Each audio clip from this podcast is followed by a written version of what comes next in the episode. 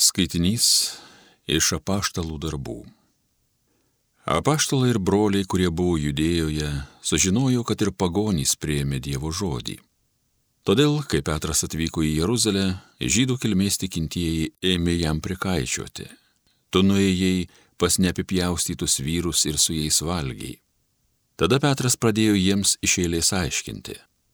Aš kartą meldžiausi Jopės mieste ir dvasios pagavoje turėjau regėjimą.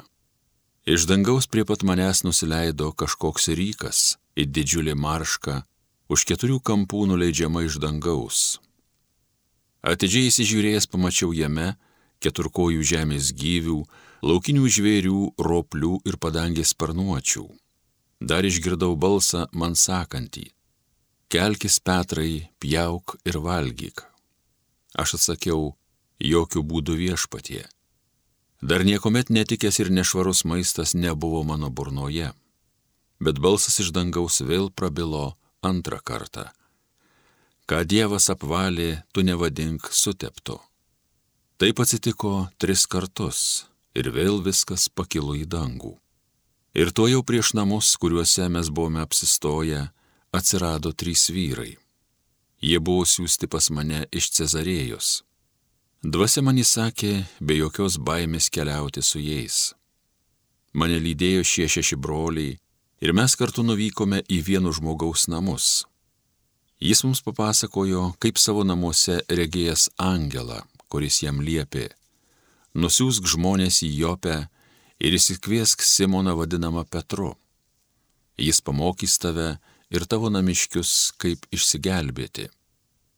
Kai aš pradėjau kalbėti, šventoji dvasia nužengė ant jų, kai pradžioje yra atsitikę su mumis. Tada prisiminiau viešpatie žodžius, kaip jis yra sakęs. Jonas krikštijo vandeniu, o jūs būsite pakrikštyti šventąją dvasę.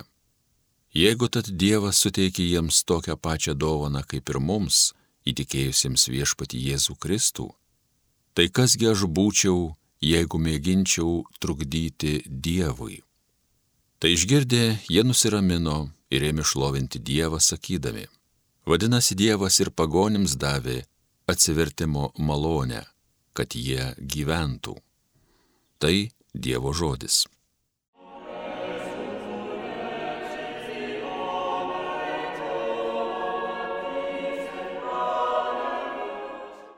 Mano siela ištroškosi tavęs, gyvasis Dieve. Kaip ištroškosi elnė uodžia upelio, taip mano širdis tavęs ilgisi Dieve. Mano siela ištroškosi Dievo, gyvojo Dievo. Vaikada nukeliausiu ir Dievo veidą išvysiu. Mano siela ištroškosi tavęs, gyvasis Dieve. Atsiųsk man savo šviesą ir tiesą, tegu man jos vadovauja, ir mane veda į tavo šventąjį kalną į tavo padangtę. Mano siela ištroškusi tavęs, gyvasis Dieve. Tenai prie Dievo aukuro žengsiu, pas savo linksmybės džiugesio Dievą, ten tave šlovinsiu kankliais, o Dieve, o mano Dieve. Mano siela ištroškusi tavęs, gyvasis Dieve.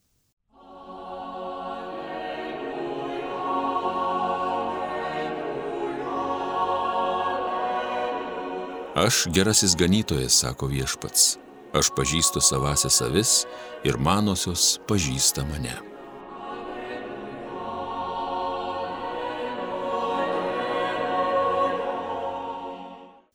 Iš Evangelijos pagal Joną. Aš gerasis ganytojas, geras ganytojas už avis guldo gyvybę. Samdinys neganytojas, kuriam avis nesavos pamatęs sėlinantį vilką palieka avis ir pabėga, o vilkas puola jas ir išvaiko. Samdinys pabėga, nes jis samdinys, jam avis nerūpi. Aš gerasis ganytojas, aš pažįstu savasias ir manosios pažįsta mane, kaip mane pažįsta tėvas ir aš pažįstu tėvą. Už avis aš guldau savo gyvybę ir kitų avių dar turiu, kurios ne iš šios avidės, ir jas man reikia atvesti, jos klausys mano balso ir bus viena kaimenė, vienas ganytojas. Tėvas myli mane, nes aš guldau savo gyvybę, kad ir vėl ją pasiimčiau. Niekas netima jos iš manęs, bet aš pats ją laisvai atiduodu. Aš turiu galę ją atiduoti ir turiu galę vėl ją atsiimti. Tokį priesaką aš esu gavęs iš savojo tėvo.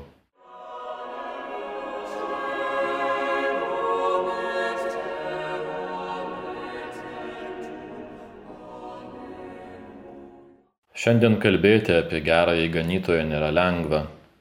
Galbūt dėl to, kad mūsų laikais kur kas lengviau galima sutikti samdinių nei ganytojų.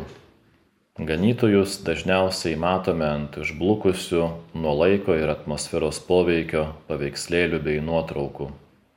O štai samdinių veiklą patiriame kiekvieną dieną.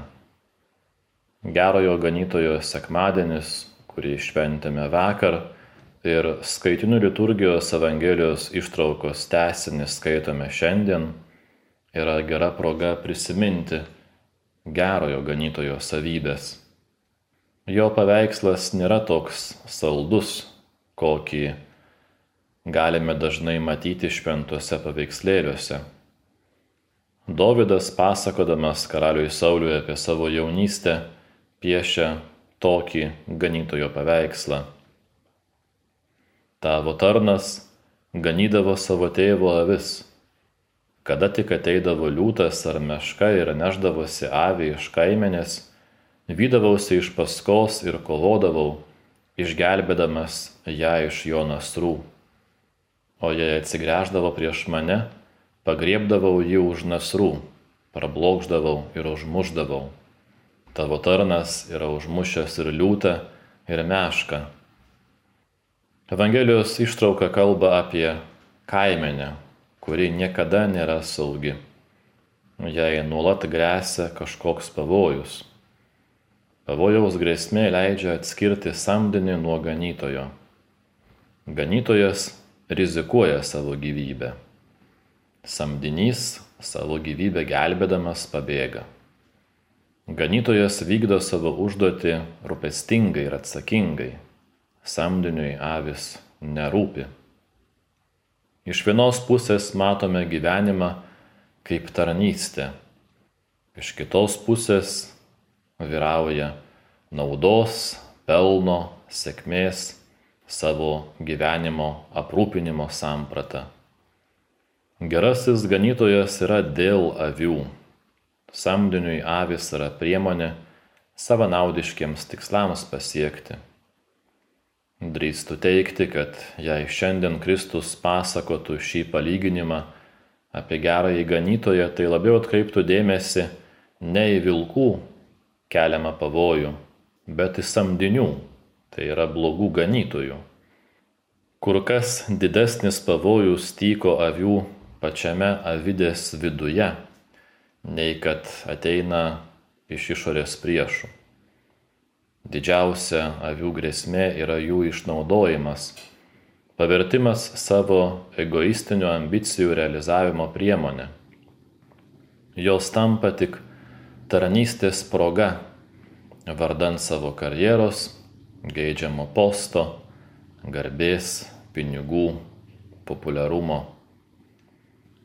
Pačiu pavojingiausiu vilku yra savo išskaičiavimu vedamas ganytojas kiti jam yra tik galimybė siekti savo naudos. Gerasis, arba kaip Evangelija sako, gražus ganytojas, taip pat turi savo interesų.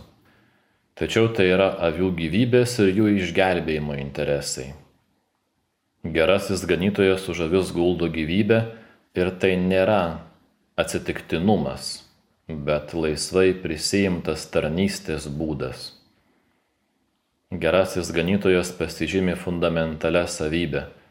Jis pažįsta savęsias savis. Tai nėra paprastas žinojimas išplaukiantis iš psichologinių ar intelektualinių gebėjimų. Gerojo ganytojo pažinimas yra pažinimu iš meilės, taip kaip mane pažįsta tėvas ir aš pažįstu tėvą. Tad jei toks yra mūsų ganytojas, tuomet neturėtume gėdytis avių kaimenės, kuriai priklausome. Būti bažnyčios, kurios ganytojų yra Kristus nariu, nereiškia būti bandos ar minios nariu. Ten, kur nėra vietos savarankiškam mąstymui ar savo nuomoniai. Gerasis ganytojas tarnauja mano laisviai ir mano orumui. Jis nemasto už mane ir nieko nesprendžia vietoj manęs. Dievas trokšta atsakingo ir brandaus žmogaus. Dėl to nori, kad ir jo ganytojai taip elgtųsi. Mes esame Dievo interesų rate. Kiekvienas iš mūsų jo akise turime neįkainuojamą vertę. Dievas nepaprastai rimtai žiūri į kiekvieną žmogų. Tai ganytojas, kuriam rūpi kiekviena avis. Kada girdžiu jo balsą, negalvoju apie grasinimus ar bausmes bet esu maloniai nustebęs, kad jis mane pažįsta ir šaukia mane vardu.